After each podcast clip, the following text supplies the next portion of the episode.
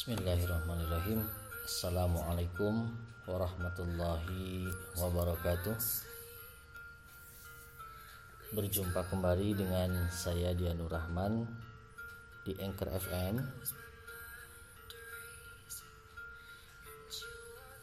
Kali terakhir ini serial podcast saya untuk mata kuliah Critical Theory.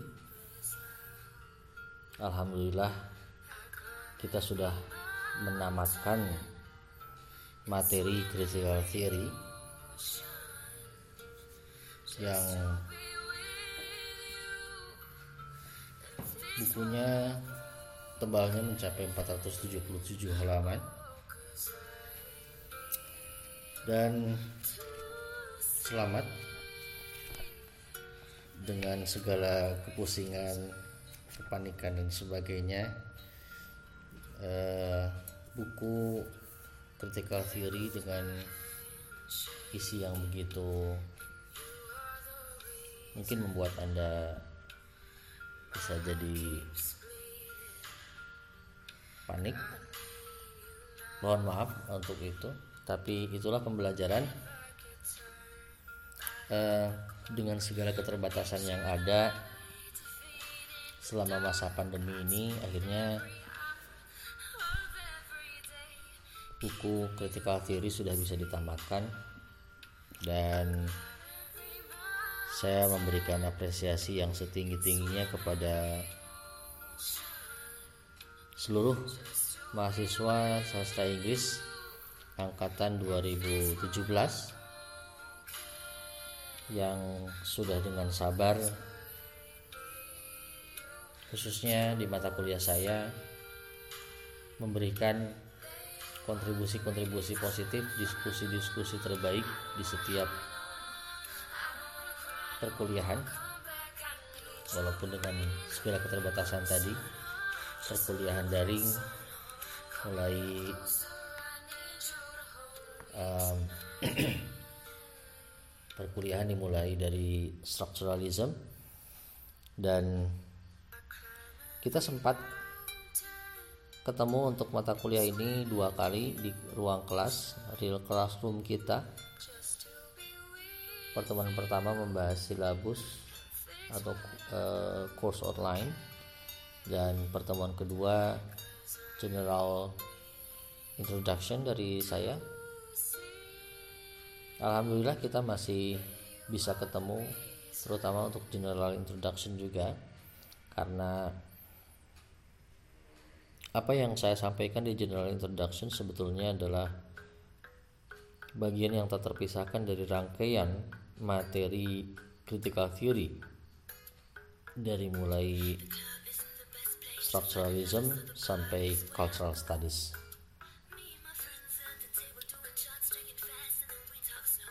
Apa kabar semuanya? Masih sehat? Insya Allah ya. Harap sabar mungkin Anda menjalani perkuliahan ini karena kabar terbaru keputusan bersama antara Kemendikbud dan Kemenag juga perkuliahan kita masih akan daring untuk semester selanjutnya sampai akhir semester ganjil di 2020-2021 tetapi mudah-mudahan ada keajaiban Tuhan di tengah-tengah semester atau atau bahkan awal semester mudah-mudahan kita berharap kita berdoa terus bahwa perkuliahan bisa dibuka walaupun mungkin dengan segenap protokol kesehatan yang harus dipatuhi. Um, podcast hari ini atau podcast uh, saya kali ini tentunya adalah podcast terakhir di mata kuliah critical theory yang secara khusus akan membahas cultural studies. Um, saya bilang secara khusus cultural studies walaupun itu adalah suatu hal yang ironis juga ya. Karena pada dasarnya apa yang menjadi concern dari cultural studies itu adalah concern dari semua teori sebetulnya yang sudah kita bahas. Dengan kata lain, cultural studies ini berupaya untuk merangkum. Cultural studies ini berupaya untuk membuat gambaran menyeluruh mengenai semua teori yang sudah kita bahas. Structuralism, formalism, psychoanalysis, reader response, Marxism, um, deconstruction atau post-structuralism, kemudian feminism, feminism in Islamic world, kemudian post-colonialism pekan kemarin dan pekan ini cultural studies. Jadi apa sih yang dimaksud dengan cultural studies ini mungkin eh, yang akan lebih saya fokuskan ya. Um, karena teks dari Raymond Williams dan Horkheimer Adorno dan Horkheimer itu memang tidak secara spesifik menjelaskan definisi. Sengaja memang karena di semua teks yang kita bahas juga kita tidak pernah memberikan satu definisi yang ketat mengenai apa itu misalnya structuralism apa itu formalism atau apa itu um, psikoanalisis misalnya. Karena saya sering bilang bahwa um, mata kuliah kita mata kuliah critical theory ini adalah mata kuliah yang memang interdisipliner atau bahkan mungkin multidisipliner ya. Jadi kita bisa ngobrolin segala hal, membicarakan, mendiskusikan segala hal. Objeknya tidak cuma bahasa, objeknya tidak cuma sastra, tetapi se semua hal, semua yang menjadi concern dari kehidupan kita, produk-produk budaya apa pun yang kita pakai apa pun yang kita gunakan apa pun yang kita diami itu adalah ruang-ruang di mana objek berseliweran untuk dibahas untuk dikaji melalui critical theory ini. Makanya saya sering bilang bahwa mata kuliah ini adalah mata kuliah yang campur aduk mata kuliah yang ngacapruk gitu tetapi ngacapruk dalam pengertian yang yang akademik ya tentunya. Ngacapruk dalam pengertian bahwa ada metodologi-metodologi yang tetap harus diindahkan yang tetap harus diperhatikan bahwa uh, ketika melihat segala sesuatu lewat tanda bahasa misalnya kita tidak akan pernah melepaskan bagaimana sosur misalnya meletakkan dasar-dasar metodologi yang cukup ketat untuk membahas itu. Begitu pula dengan mentalitas manusia misalnya eh, Sigmund Freud berusaha untuk memetakan bahwa banyak sekali hal yang bisa kita bahas dari mentalitas manusia dan yang lain-lainnya tentunya cultural studies itu berusaha untuk merangkum itu semua um, didasari walaupun pendasarannya maksud saya pendasaran utamanya terletak pada basis uh, mungkin kalau anda yang peka sebetulnya yang disajikan oleh saya semuanya uh, baik Raymond Williams yang di Inggris maupun Theodore Adorno dan Max Horkheimer. Horkheimer ya banyak beberapa yang kemarin yang presentasi cukup kesulitan untuk mengucapkan Horkheimer gitu. Nah, bagi anda yang mungkin pernah belajar bahasa Jerman itu agak agak mudah mungkin ya. Max Horkheimer um, jadi semuanya tokoh-tokoh itu tiga tokoh itu yang kebetulan Adorno dan Horkheimer jointly uh, uh, apa writing itu yang teks uh, cultural industry as uh, mass deception itu kesemuanya adalah tokoh-tokoh Marxis. Jadi pendasaran utamanya tetap melalui garis besar Marxisme karena memang e, benturan ideologi yang cukup e, apa ya cukup besar di di abad 20 adalah antara Marxisme dengan dengan e, atau komunisme dengan kapitalisme. Uh, ideologi komunis dan ideologi kapitalis itu. Dua-duanya teori ekonomi sebetulnya. Dua-duanya uh,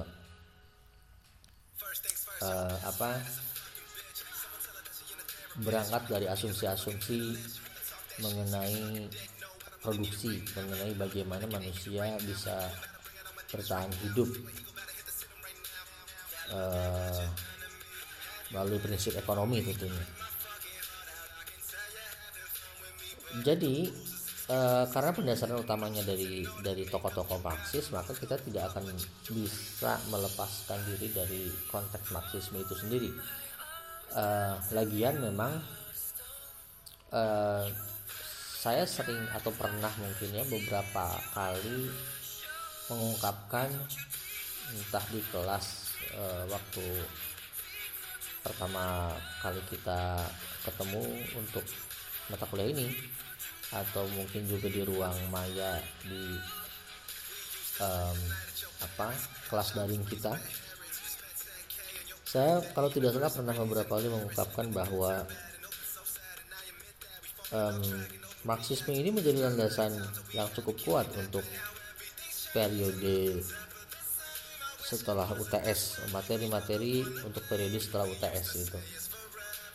Um, bisa dibilang bahwa apa yang kemudian dianggap sebagai bentuk apa pun bentuk perlawanan terhadap segala sesuatu yang mapan itu awalnya didasari oleh Marxisme. Seperti itu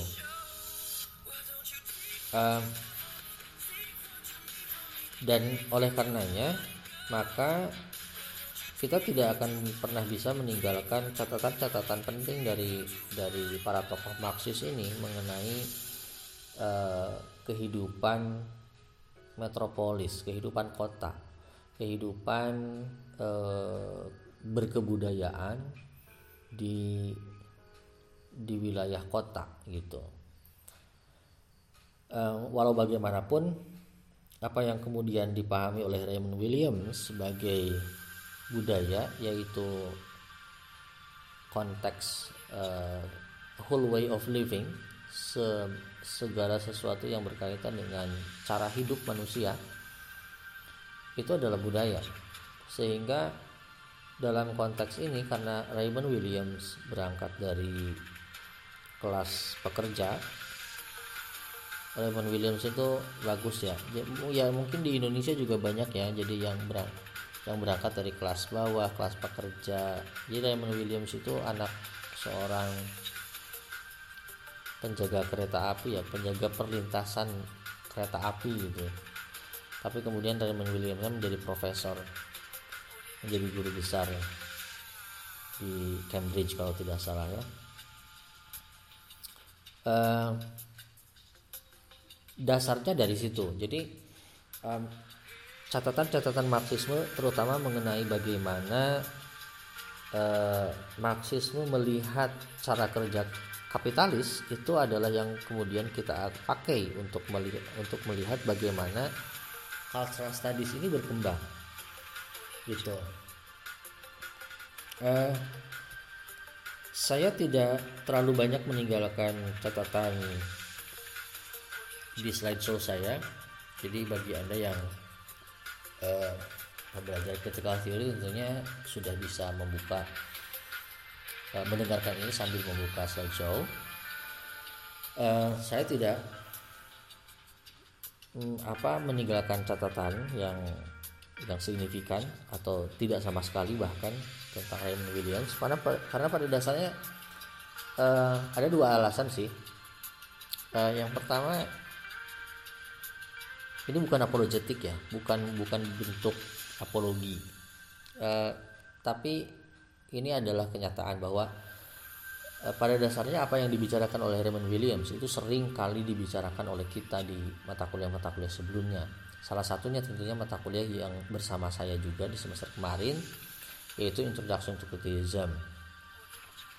Bagaimana konteks revolusi industri itu mengubah segalanya. Cuma kalau kalau waktu itu kita membahas William Wordsworth misalnya konteks revolusi industri itu bagaimana mengubah alam itu menjadi hancur-hancuran gitu ya Eh, desa menjadi kota, banyaknya pertumbuhan kota dan sebagainya itu adalah bagian dari konteks uh, yang dibicarakan oleh Raymond Williams itu.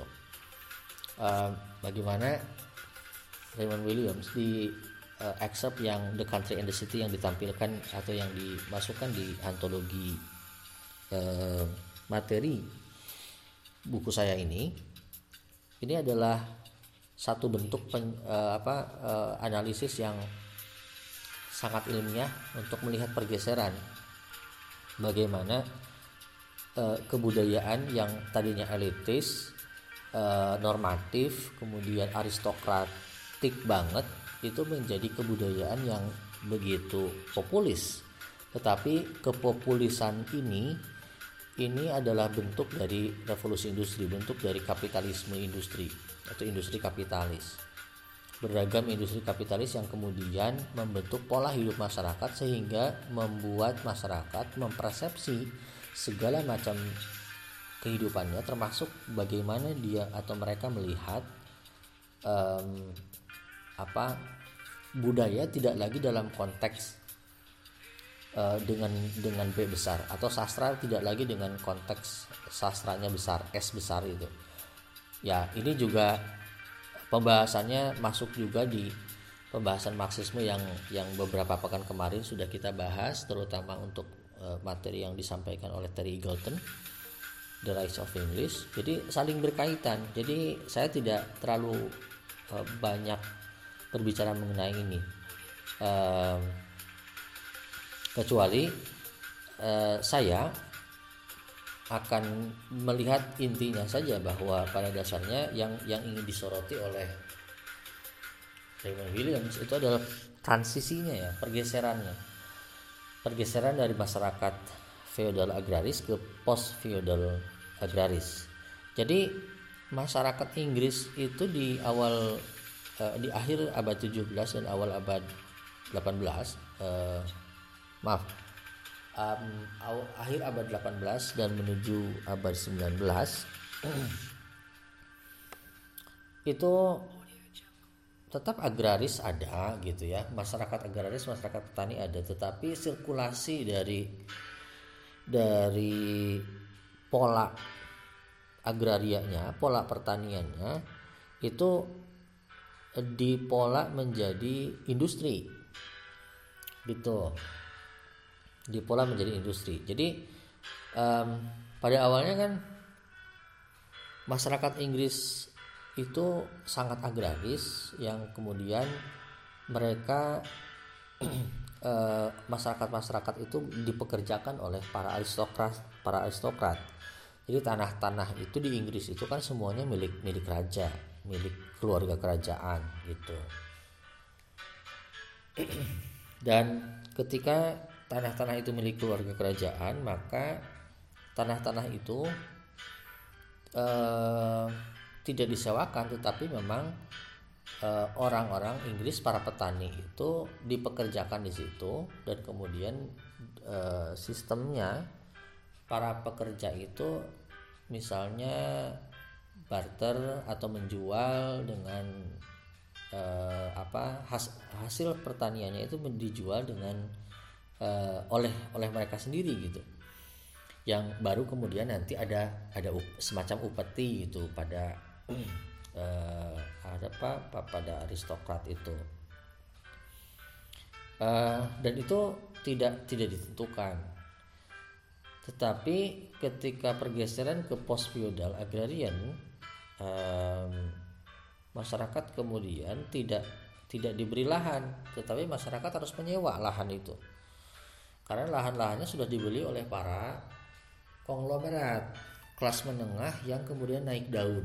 Yang sudah saya pernah sampaikan mungkin anda yang presentasi William Wordsworth semester kemarin di Introduction to Criticism mungkin penjelasan saya masih ingat bahwa adanya industri kapitalis atau kapitalisme itu menghasilkan masyarakat yang demokratik sebetulnya demokratis bahwa eh, aristokrasi sudah kehilangan pamornya tetap dan kemudian eh, masyarakat kelas menengah yang punya banyak uang itu naik daun. Itu jadi akhirnya tanah-tanah itu dibeli oleh para konglomerat kelas-kelas menengah itu yang punya uang. Dan eh, konglomerasi inilah yang kemudian memunculkan masalah.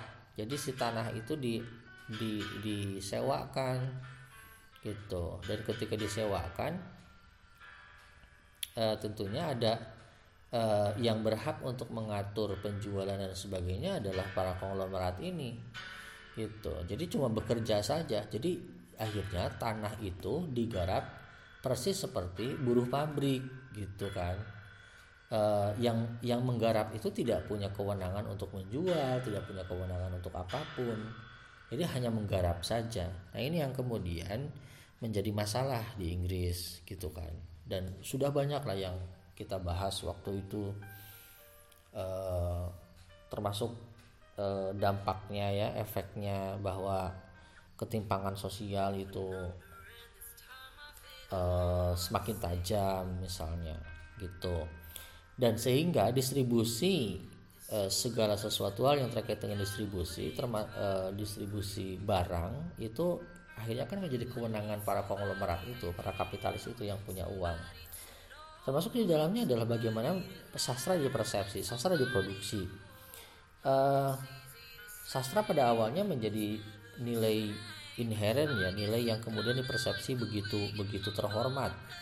Sastranya menjadi B, menjadi S besar gitu menjadi budaya dalam B-nya B besar uh, tetapi ketika sastra kemudian masuk di industri bahwa uh, kertas itu harus dibeli gitu kan kemudian tinta uh, dari printing itu ya harus harus dibeli dan sebagainya maka akhirnya eh, karya sastra menjadi sangat populis.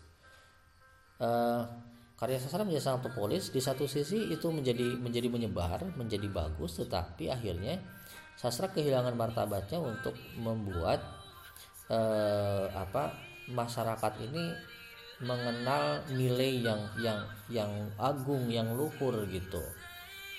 Akhirnya kan selera selera masyarakat selera selera konglomerasi ini yang kemudian masuk gitu.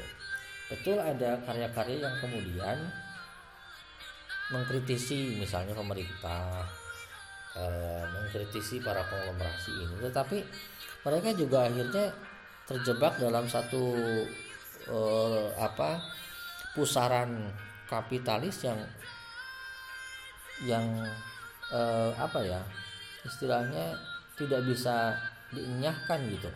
Mereka mereka mengkritisi para konglomerat mereka mengkritisi pemerintah tetapi untuk mengkritisi itu supaya kritikan-kritikan itu supaya didengar mereka kan harus menjual bukunya mereka harus menjual eh, apa gagasannya itu. Makanya kemudian diproduksi tetapi akhirnya ada banyak sensor dan sebagainya gitu. Jadi eh, serba salah ya gitu. Serba salah. Nah transisi itulah yang kemudian akhirnya membuat eh, kapitalisme ini menjadi sumber eh, sumber dari bagaimana budaya atau produk-produk budaya akhirnya menjadi sangat populis, menjadi sangat sangat populer gitu. Yang kemudian e, produk budaya yang masif dijual dan sebagainya itu dibahas sedemikian rupa oleh Theodor Adorno dan Max Horkheimer gitu. Dan di slide show saya saya ini disclaimer dan sekaligus acknowledgement saya tiga slide show saya tiga slide show pertama saya itu mengambil dari bukunya hala, uh, beberapa halaman dari bukunya Zia Udin Sardar yang judulnya Introducing Introducing Cultural Studies. Um,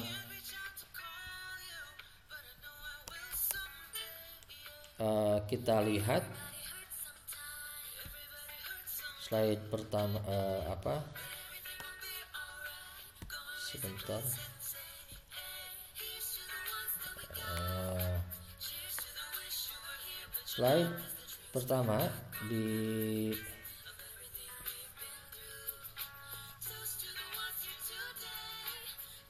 setelah cover um, ini menjelaskan mengenai definisi cultural studies. Um, jadi saya polanya begitu ya eh, pola pola pembahasannya. Raymond Williams ini jadi sangat didahulukan sebelum membahas cultural studies secara definisi bahkan karena ini menjadi landasan awal betul-betul landasan awal.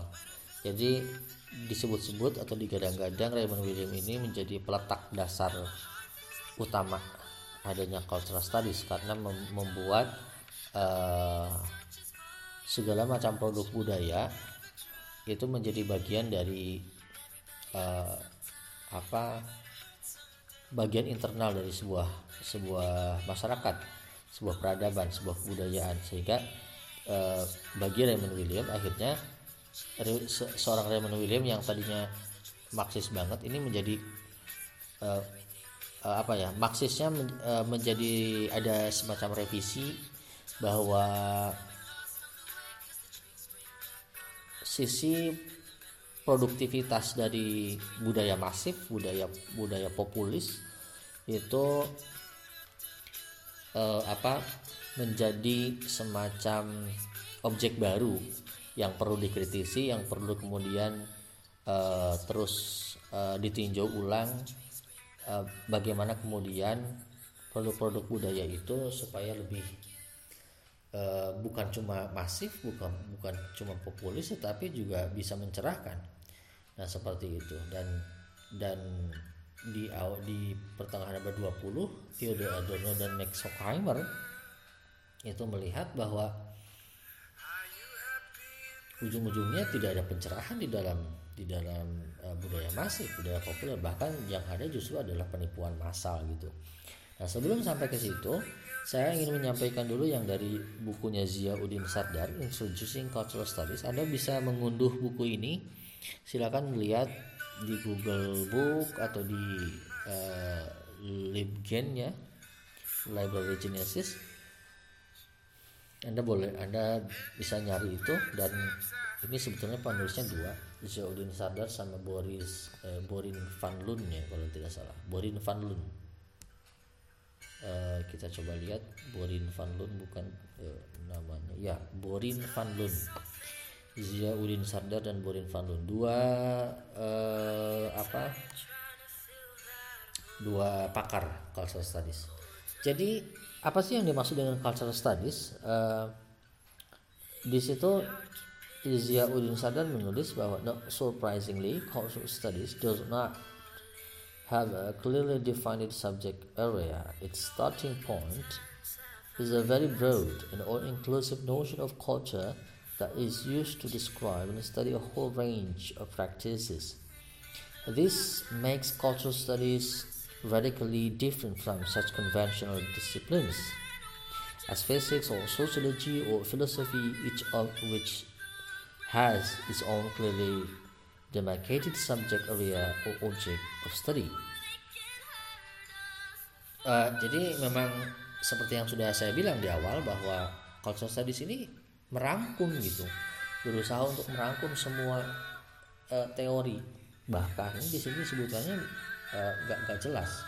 Jadi berusaha untuk merangkum semua disiplin ilmu. Slide selanjutnya adalah bahwa cultural studies functions by borrowing freely from social science disciplines and all branches of humanities and art with appropriate theories and methodologies from anthropology, sociology and psychology, linguistics, literaturism, art theory, musicology, philosophy and political science, dan lain-lainnya. bahkan saya bisa tambahkan ada information studies hari ini mungkin ya atau internet studies gitu hari ini dan beragam uh, ilmu atau disiplin yang lain so almost any method from textual analysis ethnography and psychoanalysis to survey research can be used to do cultural studies The studies takes whatever it needs from any discipline and adopts it to suit its own purposes. Jadi tujuan uh, bergantung ya bergantung dari fokus kajiannya. Kalau misalnya uh, kalau misalnya hubungan atau relasi antara uh, masyarakat dan kekuasaan misalnya kan sosiologi dan political science yang diambil. Kalau misalnya anda mau membahas uh, uh, produk budaya hari ini dalam kaitannya dengan uh, game online misalnya atau uh, apa internet studies misalnya kan anda bisa menggabungkannya dengan uh, apa uh, antara uh, art theory kemudian linguistics juga kemudian uh, communication studies misalnya. Jadi bergantung makanya cultural studies ini betul-betul membuat satu uh, a, broad range of uh, study seperti itu. Dan slide selanjutnya inilah objek-objek yang dibahas di cultural studies. Uh, semua bentuk atau ragam bentuk dari produk budaya atau praktik budaya. Um, using such methods cultural studies has analyzed all varieties of cultures.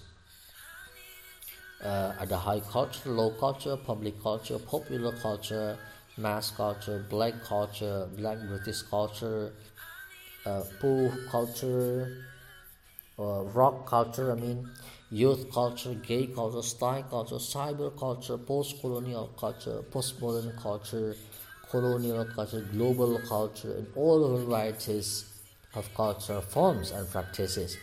Yang ruang lingkupnya tentunya bisa berasal dari art, architecture, advertising, literature, music, film, television, theater, dance, and so on and so forth. Jadi um, semuanya, bah, ya semua produk dan praktik kebudayaan bahkan hal-hal yang paling kecil uh, apa hal yang paling kecil juga bisa kita bahas melalui cultural studies ini dalam kaitannya dengan relasi sosial tentunya relasi relasi relasi yang berkaitan dengan uh, pemahaman orang-orang hari ini mengenai apa yang dia persepsikan tentang kehidupannya. Nah, seperti itu. Itu uh, culture study secara secara disiplinnya ya. Um, saya ngambil dari Ziauddin Sardar dan Borin van Loon uh, dalam konteks definisinya. Jadi uh, makanya menjadi menjadi wajar kemudian uh, Raymond Williams saya dahulukan dibahas karena memang betul-betul itu adalah uh, apa batu pertamanya. Jadi uh, kita meletakkan batu pertama pembahasan cultural studies itu dari Raymond Williams karena transisinya yang kemudian kita perlukan gitu bahwa apa yang kemudian kita maknai sebagai industri hari ini um, industri hari ini tuh ada dua ya. Jadi ada ada industri fisikal um, kapitalisme industri kemudian uh, ada industri yang berupa digital digital digital capitalism ya. Ada industrial capitalism ada digital capitalism gitu jadi karena tentunya hari ini kita tidak bisa melepaskan diri dari uh, Internet and Communication Studies ya atau teknologi informasi TI lah gitu. IT ya Information Technology. Dan itu itu adalah bagian dari kapitalisme. Banyak uh, apa um, banyak buku yang saya baca yang merepresentasikan kondisi hari ini uh, Thomas Fuch misalnya itu juga membahas ragam bentuk uh, digital capitalism termasuk di dalamnya adalah uh, penggunaan penggunaan internet. Nah seperti itu. Jadi uh, akhirnya yang kita bahas ini adalah ujung-ujungnya adalah proyek kapitalisme, proyek besar-besarnya kapitalisme. Jadi uh, Adorno dan Horkheimer itu mencoba mengkritisi uh, uh, budaya masif yang muncul di Amerika di tahun 60-70-an itu um, makanya kemudian uh, ini teks teks buku itu tahun 1957 atau 1961 ya lupa lagi saya bukunya judulnya Dialectic of Enlightenment. Enlightenment. Uh, Dialectic of Enlightenment. Um, ya kalau tidak salah tahun 57-an gitu ya. Uh, oh tahun 1944 In the 1944 book ya halaman 443 itu saya nulis ya ternyata memang ada The Dialectic of Enlightenment where the essay of the culture industry specialist is taken from they examine the US popular culture and their highly pessimistic conclusion is that it consists of routinized forms that diminish the complexity of human experience and serve the interests of powerful corporations. Bahkan ya tahun 44 loh ya ya memang kemajuan negara-negara um, barat ya memang dari sudah dari dulu gitu. Ya. jadi uh, yang dibahas oleh Adorno dan Horkheimer itu kan fokusnya sebetulnya tiga ya. Ada music ada films ada television. Nah itu. Uh, Adorno akan sangat kaget tentunya kalau hari ini masih hidup. Atau Horkheimer kalau hari ini masih hidup dengan masifnya internet gitu. Jadi ini pun tentunya uh, kalau bisa kalau anda mau mem, mem, apa uh, anda mau mengatakan ini juga masih ketinggalan memang sudah ketinggalan ya teksnya gitu cuma apa yang kemudian dibicarakan oleh Adorno dan Horkheimer itu beresonansi sampai hari ini. Itu betul-betul berbicara mengenai apa yang terjadi hari ini. Gitu. Jadi eh, apa industri budaya itu betul-betul ada hadir di kita juga hari ini gitu. Jadi budaya itu aspek-aspek kebudayaan itu diindustrialisasi, dikapitalisasi dan sebagainya. Uh,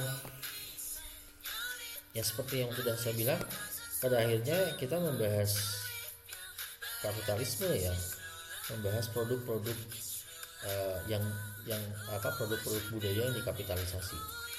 Hari ini apa sih yang tidak dikapitalisasi? Kan pertanyaannya gitu. Hari ini semuanya dikapitalisasi, semuanya di di apa di dibuat sedemikian rupa untuk melayani kepentingan kapitalis. Uh, kita adalah korban-korban.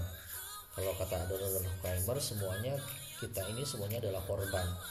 Makanya nada dari nada dari teksnya Adorno itu penuh dengan kemarahan, tetapi ujung-ujungnya adalah penuh eh, apa rangkaian pesimistik ya uh, melihat kapitalisme sebagai uh, apa satu sistem yang betul-betul menjerumuskan manusia ke dalam lembah kehancurannya sendiri kan gitu. Jadi penipuan massal pembodohan massal kayak gitu. Wajar um, saudara wajar ada orang Horkheimer punya kesimpulan seperti itu lagi-lagi karena ada orang Horkheimer itu dari mazhab Frankfurt dan mazhab Frankfurt adalah pewaris pewaris sah Marxisme di Jerman gitu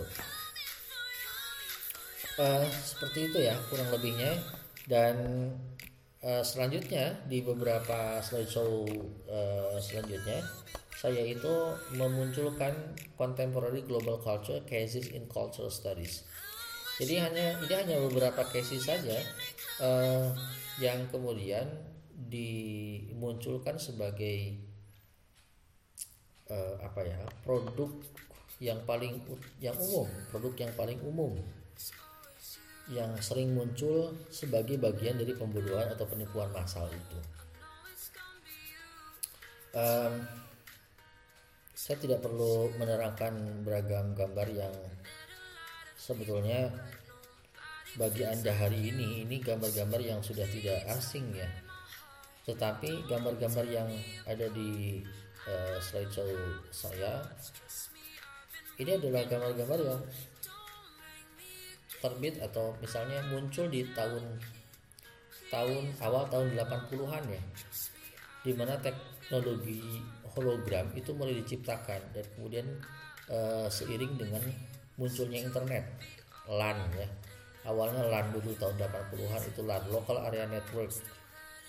Uh, gitu. Setelah LAN itu kemudian uh, apa muncul WAN ya wide area network. Itu lebih luas lagi.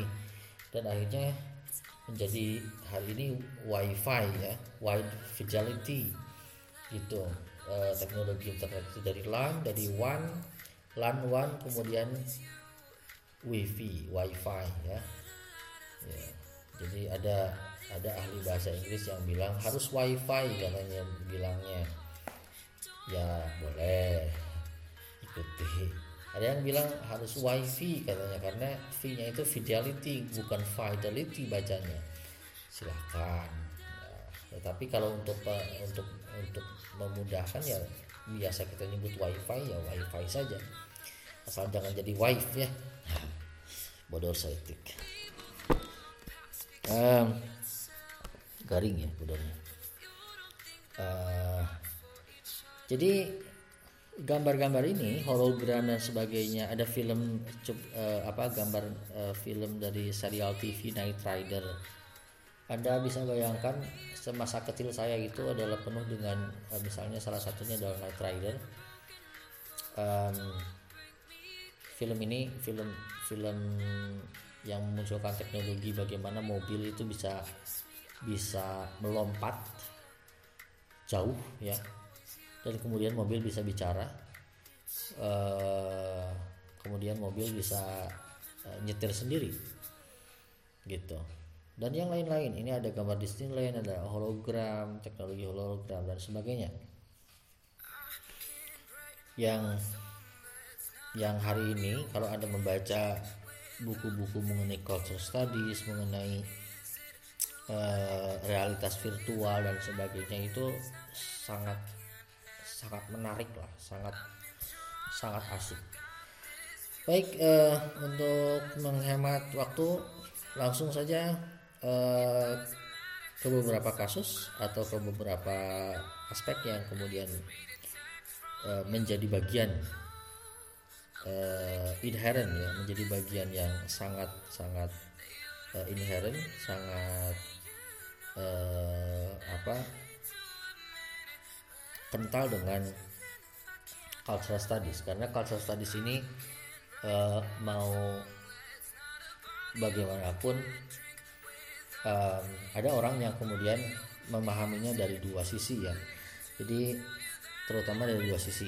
Yang pertama adalah bahwa cultural studies ini adalah uh, satu satu rangka disiplin untuk melihat uh, high modernism uh, high modernism dilihat dari kacamata postmodernism.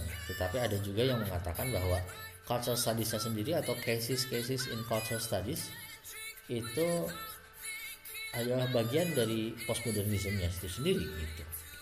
Ya terserah anda mau pilih yang mana percaya yang mana yakin yang mana tetapi yang jelas um, beragam case, beragam kasus, beragam aspek yang uh, saya bicarakan di sini ini kental dengan kehidupan keseharian kita.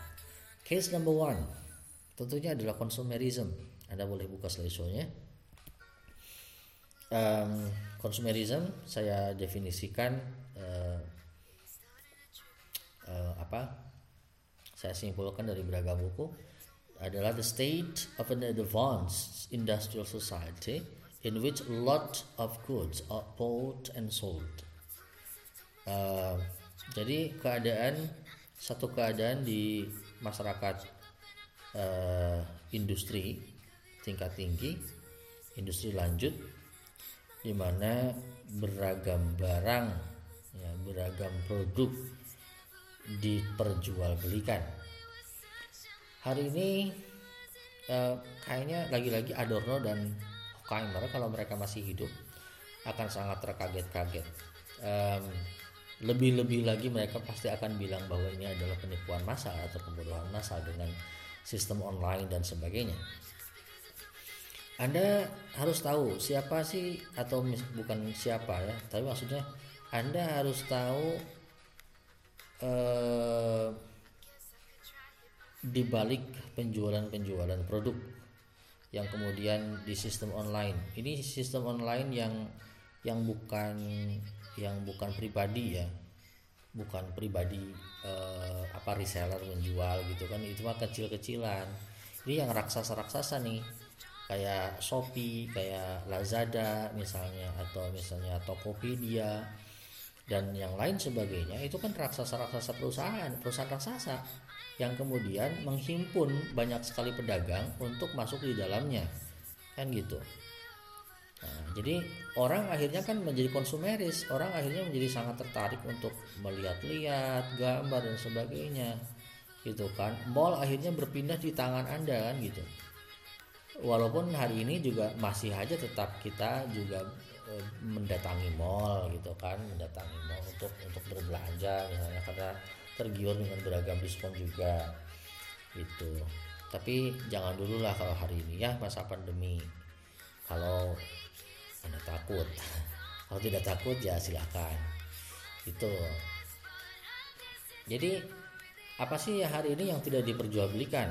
Semua barang itu diperjualbelikan saudara semua produk semua produk semua hal diperjualbelikan.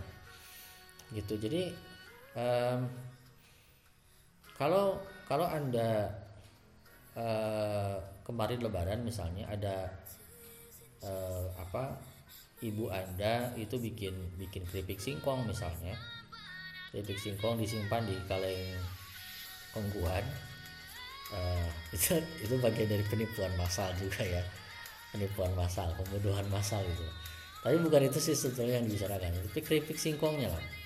Nah keripik singkongnya. Jadi uh, keripik singkong buatan ibu anda uh, anda anda kan bisa jadi tidak mau makan itu.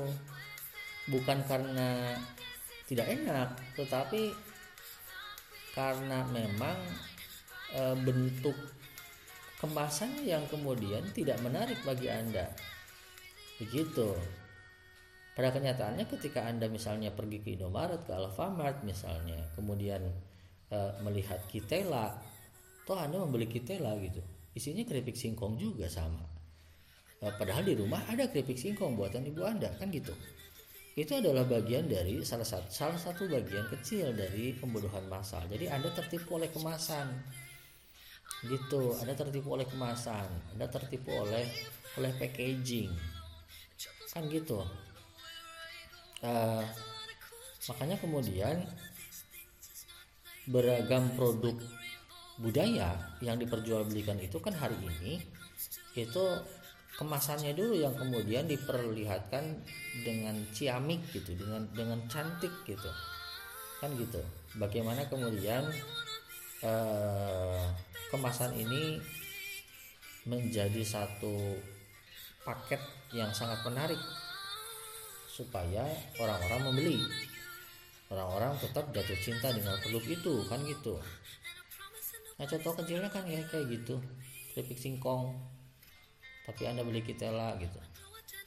Uh, ya apalagi ya? Banyak lah kan gitu ya. Banyak sehingga anda akhirnya menjadi konsumtif. Gitu kan menjadi konsumtif. Anda tidak lagi produktif kenapa seperti itu? Karena memang masyarakat kapitalis industri itu diciptakan untuk seperti itu. Gitu ya. Kita kita e, mengeluarkan uang yang tidak seberapa uang kita itu tidak seberapa tetapi untuk kepentingan para raksasa-raksasa kapitalis kan gitu. Nah itu konsumerisme ya. Dan produk-produk Amerika hari ini ditambah dengan segala macam yang berbau Korea. Itu udah kapitalis ya. Eh, semuanya juga ya. Eh, kenapa sih misalnya anda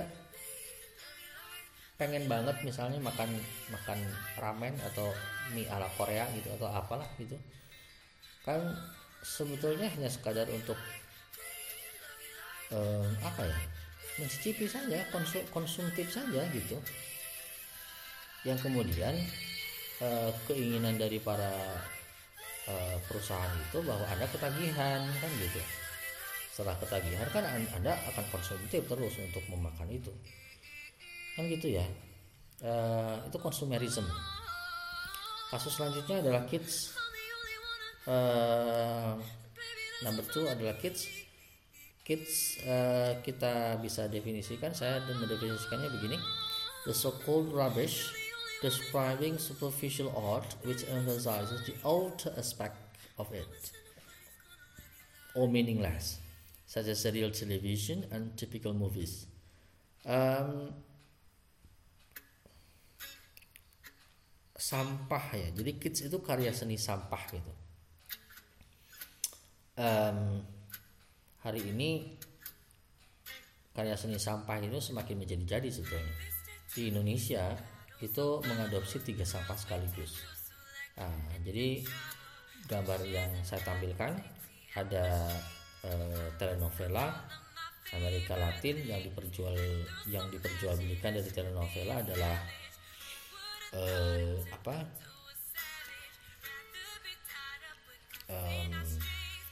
segala hal problematika problematika rumah tangga yang kemudian di dieksploitasi gitu kan.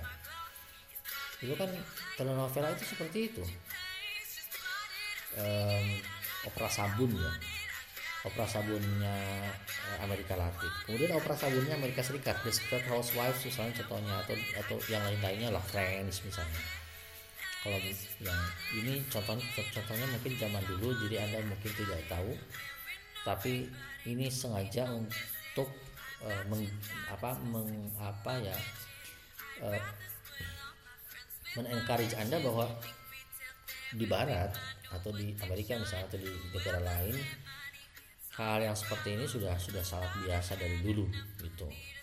Bukan hanya masa kini uh, yang diperjualbelikan oleh Amerika Serikat misalnya di opera sabunnya salah satunya yang saya cantumkan di situ Desperate Housewives adalah uh, seksualitas gitu. Kemudian uh, Bollywood. Nah, Bollywood ya. Yang diperjualkan oleh Bollywood kan tangisan gitu. Uh, air mata gitu. Jadi air mata jadi uang kayak gitu.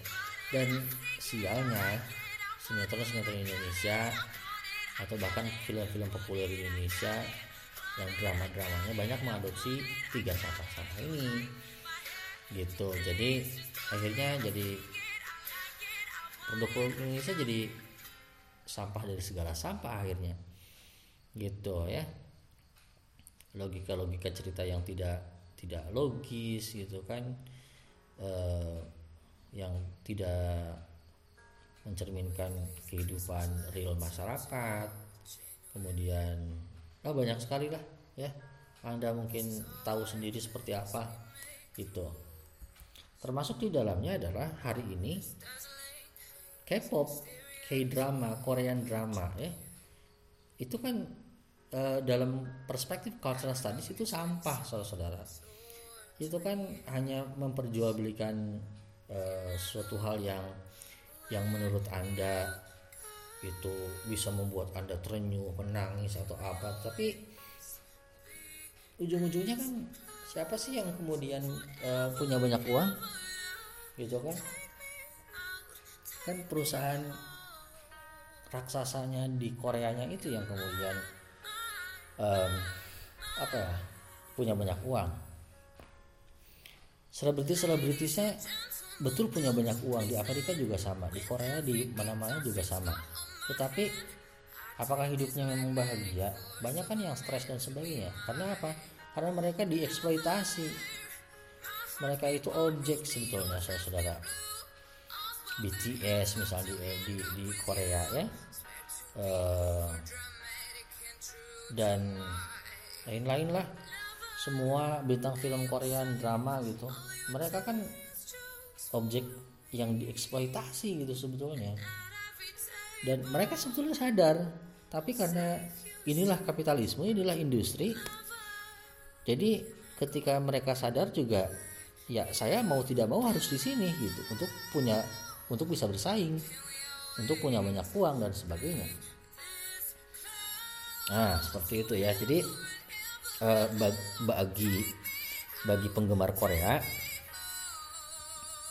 ya saya tidak akan minta maaf tetapi karena memang memang seperti itulah adanya dalam konteks teori atau bagian dari cultural studies cultural studies tetap menganggap bahwa Korean drama Korea dan sebagainya yang berbau Korea, yang berbau kapitalisme itu sampah saudara-saudara. Sampah gitu. Jadi jangan ditonton lah. Kalau Anda yakin dengan kasus studies. Kalau Anda tidak yakin tonton saja. Itu. Case number three, um, anorexia. Um, ini um, apa? A situation that only emphasizes the enjoyment of one thing, but refusing its effect such as free sex, LGBT, and the concept causing AIDS. Those who follow anorexia just want to enjoy sexual satisfaction without accepting its effects. Jadi uh, kayaknya ini tidak perlu dijelaskan lebih lanjut karena memang uh, apa penjelasan itu sudah cukup jelas. Jadi uh, apa penolakan-penolakan terhadap efek uh, kesenangan ya. Kita kita pengen eh, apa pengen kesenangan sesuatu hal yang melibatkan unsur seksualitas kita tetapi kita menolak efeknya kita menolak akibatnya. Itu ini bentar ke mana musik saya geser dulu oke okay.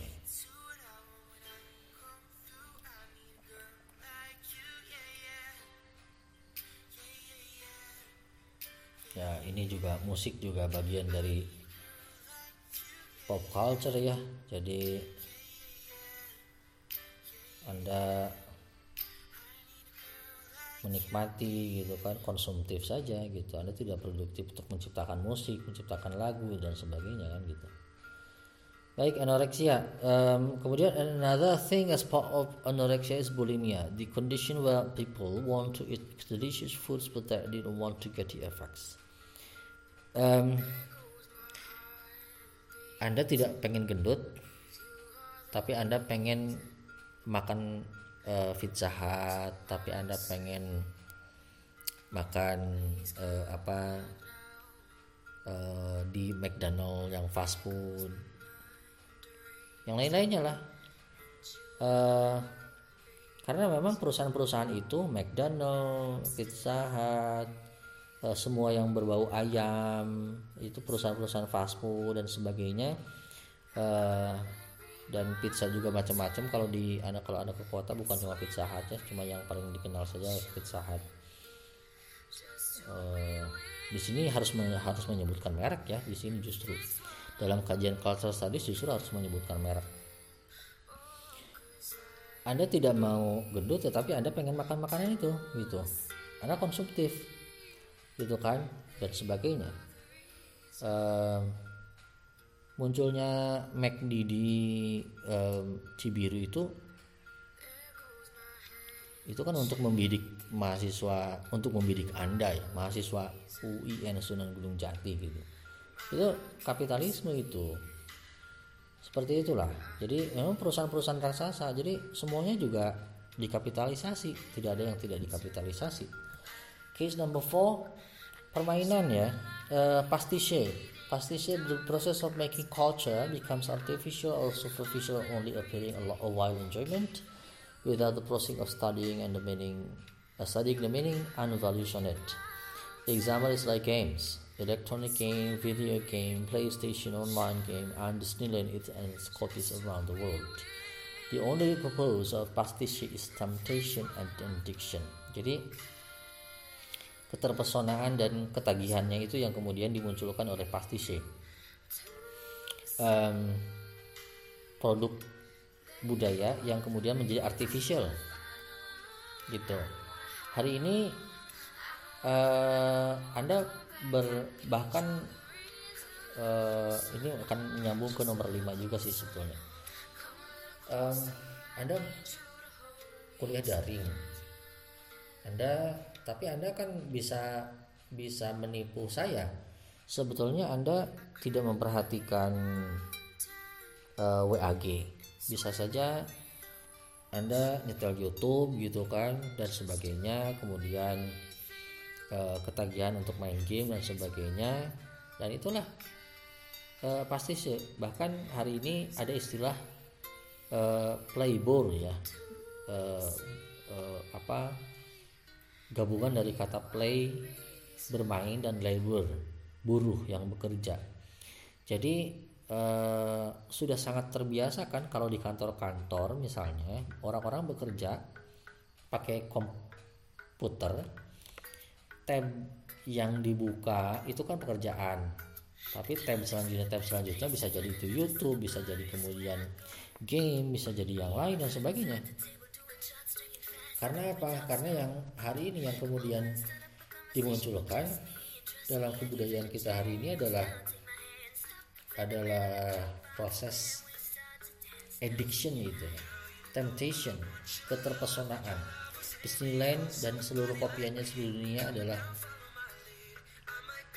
adalah temptation addiction bahkan WhatsApp gitu kan. Itu kan temptation and addiction. Kita akhirnya menjadi menjadi kecanduan gitu ketagihan untuk untuk uh, berada di jejaring sosial gitu kan untuk berada di selalu di uh, apa handphone itu betul-betul hand gitu kan betul-betul dipegang terus-terusan dan sebagainya kan gitu. Termasuk di antaranya adalah berita. Ini juga pasti sih ya. Um, berita itu menjadi bagian dari pasti sih akhirnya hari ini. Ketika berita hoax gitu ya hoax itu disebarluaskan itu kan menjadi artificial itu menjadi palsu gitu kan. Gitu. A wild enjoyment. Jadi kesenangan kesenangan sementara anda membaca teks gitu kan yang kemudian sangat cepat anda dapatkan tapi anda tidak ada proses studying the meaning and values on it gitu anda merasa senang terpuaskan dengan satu berita lalu kemudian anda ber, uh, anda bagikan dengan cepat juga ke semua grup ke teman-teman anda. Itu kan? Gitu. Um, termasuk COVID-19 dan saya sudah membuat di Insta Story dan di uh, eh, WA Story saya serial tafsir uh, Corona ya tafsir kasus sadis atas pandemi Corona atau COVID-19 ya sama saja itu addiction gitu ya. Jadi um, apa saya melihat bahwa kesenangan masyarakat hari ini adalah kesenangan akan berita-berita yang memang e, di satu sisi mereka itu khawatir dengan satu hal tetapi mereka ketagihan mereka kecanduan gitu. Hari ini kalau tidak mengupdate berita corona itu anda merasa ketinggalan gitu. Padahal padahal anda, anda juga khawatir anda juga takut dan sebagainya gitu. Itulah temptation and addiction. Jadi antara berita hari ini yang tersebar di WA yang dan tersebar di televisi di mana-mana dengan games dengan permainan itu sama saja tidak ada bedanya. Semua diproduksi secara massal semua untuk untuk kepuasan sementara. Yang bisa jadi sebetulnya adalah pembodohan itu bisa jadi pembodohan. Eh, data-data yang disampaikan oleh pemerintah dan sebagainya itu dalam konteks cultural studies itu tetap saja adalah bagian dari dari penipuan massal toh kita tidak tahu gitu kan pastinya bahwa apakah uh, COVID-19 itu adalah betul-betul sebagai yang memiliki makna denotatif gitu kan sebagai penyakit fisik atau cuma sekedar wilayah psikosomatik saja di dalam mental manusia yang kemudian terus-terusan didengungkan sehingga orang-orang yang yang tidak e, punya penyakit pun akhirnya menjadi berpenyakit karena karena pikirannya terus-terusan di e, apa dijejali oleh keterpesonaan berita keterpesonaan dari dari kata-kata gitu kan. Nah, seperti itulah uh, kira-kira ya dan ini yang buku nomor 5 ya uh, sebetulnya bukan cuma popularity tetapi memang uh, sosial media platformnya yang saya bidik sebetulnya gitu uh, social media platform encouraging people to be famous or at least to be known by the people everywhere to show that they exist. Untuk apa sih Anda membuat akun media sosial? Coba, untuk apa? Kan sebetulnya untuk dikenali saja oleh semua orang kan gitu. Anda bikin akun YouTube dan Anda kemudian mempost video Anda uh, supaya cari uang juga misalnya supaya seperti Pak Imwong ya atau Raffi Ahmad atau Atta Halilintar gitu kan eh, KKG ya yang kemudian di ban atau dihujat habis-habisan karena dituduh eh, apa eh, plagiasinya lagu siapa Rini Wulandari gitu ya itu kan encouraging people to be famous anda bikin akun Instagram, memposting foto-foto Anda, bahkan kemudian setelah posting Anda juga nge-post di apa di story, cek my new post misalnya gitu kan. Kan seperti itu untuk apa sih untuk dikenali? Makanya saya suka heran kalau misalnya ada akun Instagram yang di private. Saya aneh, suka aneh akun Instagram tapi kok di private? Akun media sosial itu dibuat saudara untuk dikenali orang gitu loh. Ya ya menjadi menjadi lucu kan jadinya. Gitu. Twitter Twitter tempat perang ya. Tempat e, berseliwerannya informasi informasi e, baik yang hoax maupun yang betul yang nyata. Toh antara dalam dalam critical theory antara data dan fakta itu bisa jadi fiksi juga ya gitu. Atau yang lebih awal Facebook ya. Saya sudah tidak ber, ber ya. Mungkin anda masih Facebookan? Saya sudah tidak Facebookan ya. E, sudah berhenti setelah e, dua tahun ini sudah berhenti dan total saya menutup akun Facebook saya e, yang tertinggal masih e, paling e, akun Twitter Instagram e, tentunya WA untuk media chatnya. Telegram juga tetapi telegram eh telegram maksud saya tetapi hari ini sedang di uninstall dulu. Uh, kemudian juga YouTube saya buka juga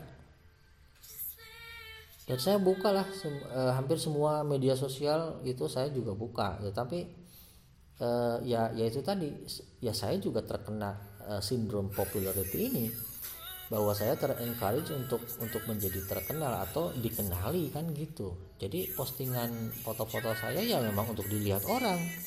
Saya saya yakin anda yang kalau di Facebook atau kalau di Instagram kalau like foto anda atau postingan anda. Itu sedikit anda kan merasa terganggu ya. Kok sedikit sih yang like foto saya gitu? Saya yakin anda terganggu. Kalaupun anda bilang enggak pak enggak enggak ah enggak gitu juga. Saya mah senang aja. Enggak saya yakin 100% tetap di hati kecil anda anda terganggu. Kenapa yang yang like foto saya? Sedikit kan gitu ya. Atau kalau di Twitter kenapa tidak banyak yang meretweet?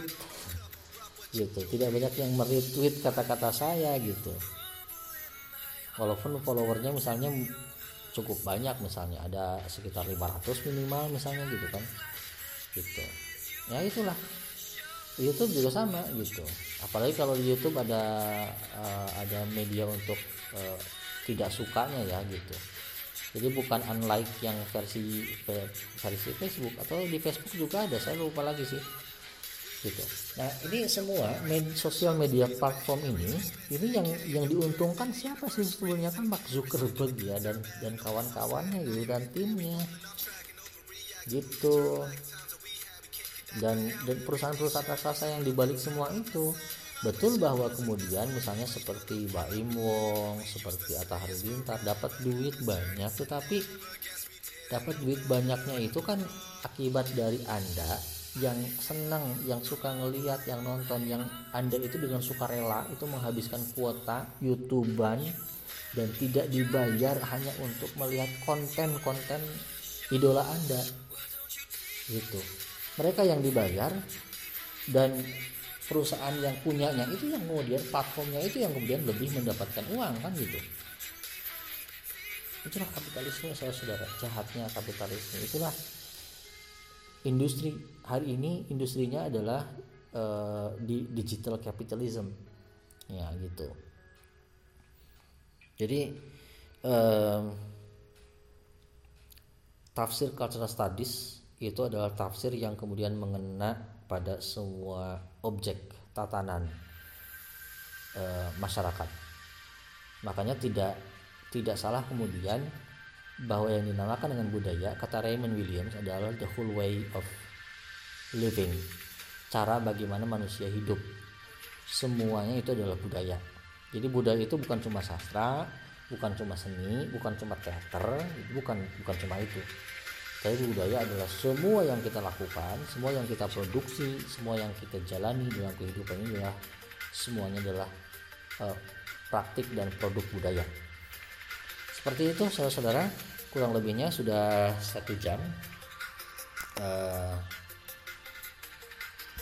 saya ya satu jam lebih, satu jam lebih 12 menit seperti biasa ini ya ke sini ke sininya saya sudah tidak bisa lagi untuk cuma setengah jam saudara-saudara.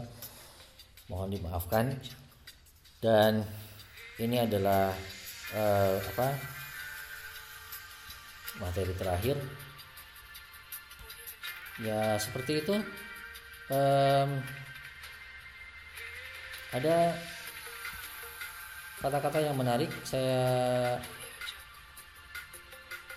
saya apa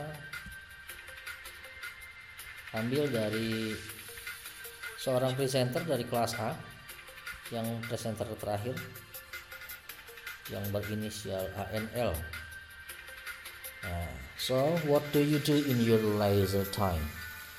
Scrolling timeline adding new products to your wish, wish list watching K-drama spending time playing a game buying many Lightroom or VSCO presets to use to support your feeds looking for the nice spot as your social media content, buying your beauty products, then how are you still enter in this capitalist society?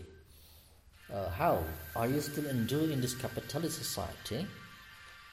Kata-kata ini, pertanyaan-pertanyaan ini menarik sekali dari ANL. Terima kasih, ANL. Uh, anda sudah menyajikan pertanyaan-pertanyaan yang menggelitik dan betul-betul uh, memperlihatkan bahwa Anda paham terkait dengan materi ini.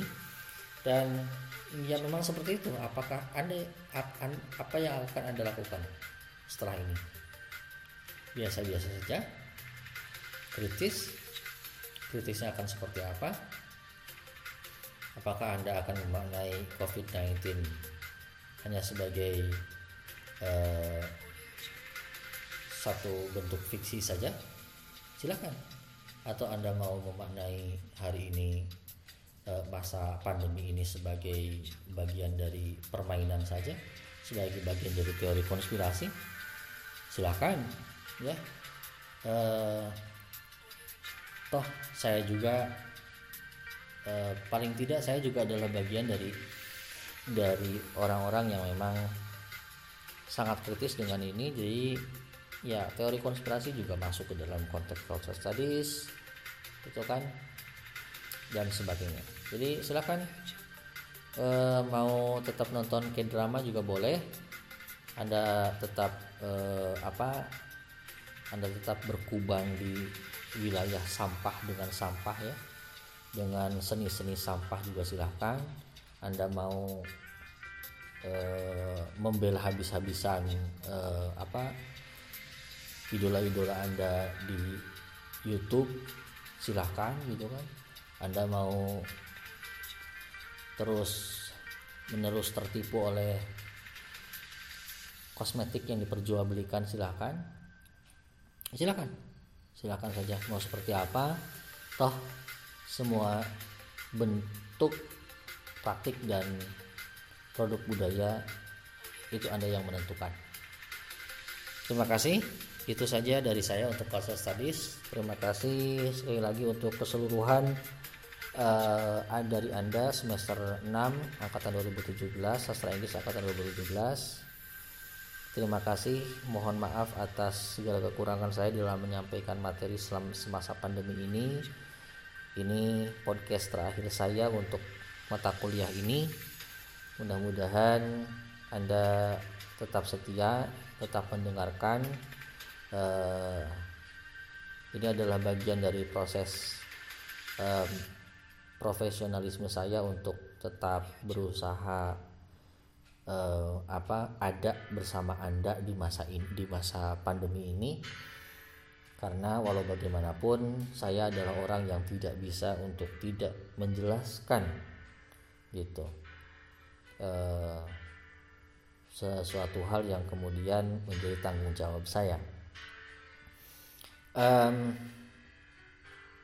terima kasih sekali lagi untuk semua presenters semua teman apa semua teman-teman audiens yang selalu aktif di WAG yang selalu aktif bertanya selalu aktif juga uh, memberikan pertanyaan-pertanyaan kritis terhadap presenters. Uh, mohon mohon maaf jika di selama perkuliahan ada candaan-candaan yang tidak mengenakan uh, Nanti untuk UAS akan saya umumkan selanjutnya di pertemuan terakhir ya eh, pekan depan. Jadi pekan depan kita santai saja, tidak ada presentasi, tidak ada ketegangan-ketegangan, kita santai saja. Jadi yang mau diskusi silahkan, yang tidak ya juga tidak apa-apa ya. Yang masih penasaran dengan beberapa materi boleh untuk bertanya ya, yang tidak ya tidak apa-apa juga. Uh, tapi yang jelas nanti di di pertemuan pekan depan ada pembicaraan yang terkait dengan UAS. Mudah-mudahan eh, apa UASnya bisa berjalan lancar. Mungkin ada kemungkinan besar UASnya akan berpindah ke GCR kita Google Classroom dan saya sih inginnya ada ada UAS yang serentak gitu. Uh, tapi gimana nanti saja kita bicarakan lebih lanjutnya. Terima kasih netizen yang di luar kelas critical theory. Terima kasih juga mungkin Anda ada banyak yang mendengarkan juga. Uh, pede ya. ya tidak apa-apa. Ya uh, nuhun, uh, matur suwun. Terima kasih Anda sudah mendengarkan yang bukan pembelajar critical theory di uh, apa semester ini. Mungkin ada teman saya mungkin ada eh, apa saudara saya mungkin ada eh, alumni mungkin ada eh, senior dari angkatan ini angkatan 2017 mungkin ada angkatan 2016 2015 yang mendengarkan. Ya terima kasih terima kasih sekali eh, atas eh, apresiasinya eh, terakhir um, seperti biasa, kebenaran selalu akan datang dari Allah. Apa yang kemudian menjadi satu rangkaian kesalahan itu adalah murni kemanusiaan saya sebagai manusia.